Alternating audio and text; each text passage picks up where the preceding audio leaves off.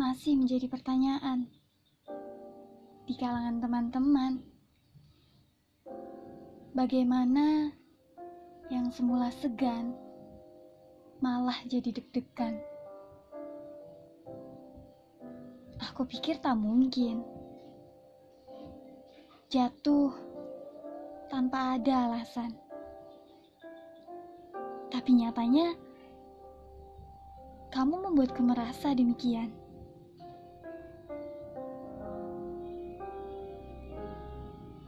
Tak pernah terbayangkan kamu jadi orang yang tak bisa kuabaikan. Tak pernah terpikirkan karenamu aku kembali mencipta angan.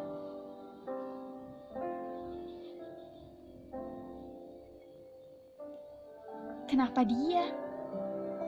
Serius suka dia? Bagaimana bisa? Pertanyaan-pertanyaan itu sudah menjadi makanan. Tapi aku sungguh tak berniat menjelaskan. Bukan karena terselimuti keraguan, hanya saja aku benar-benar tak punya alasan.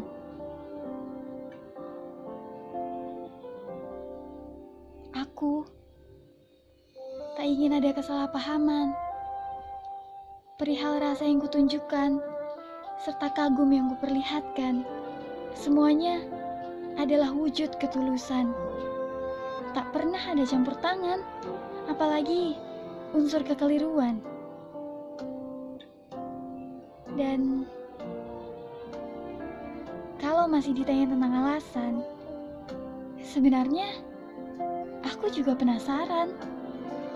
Namun bagiku, rasa yang terus berkembang adalah jawaban.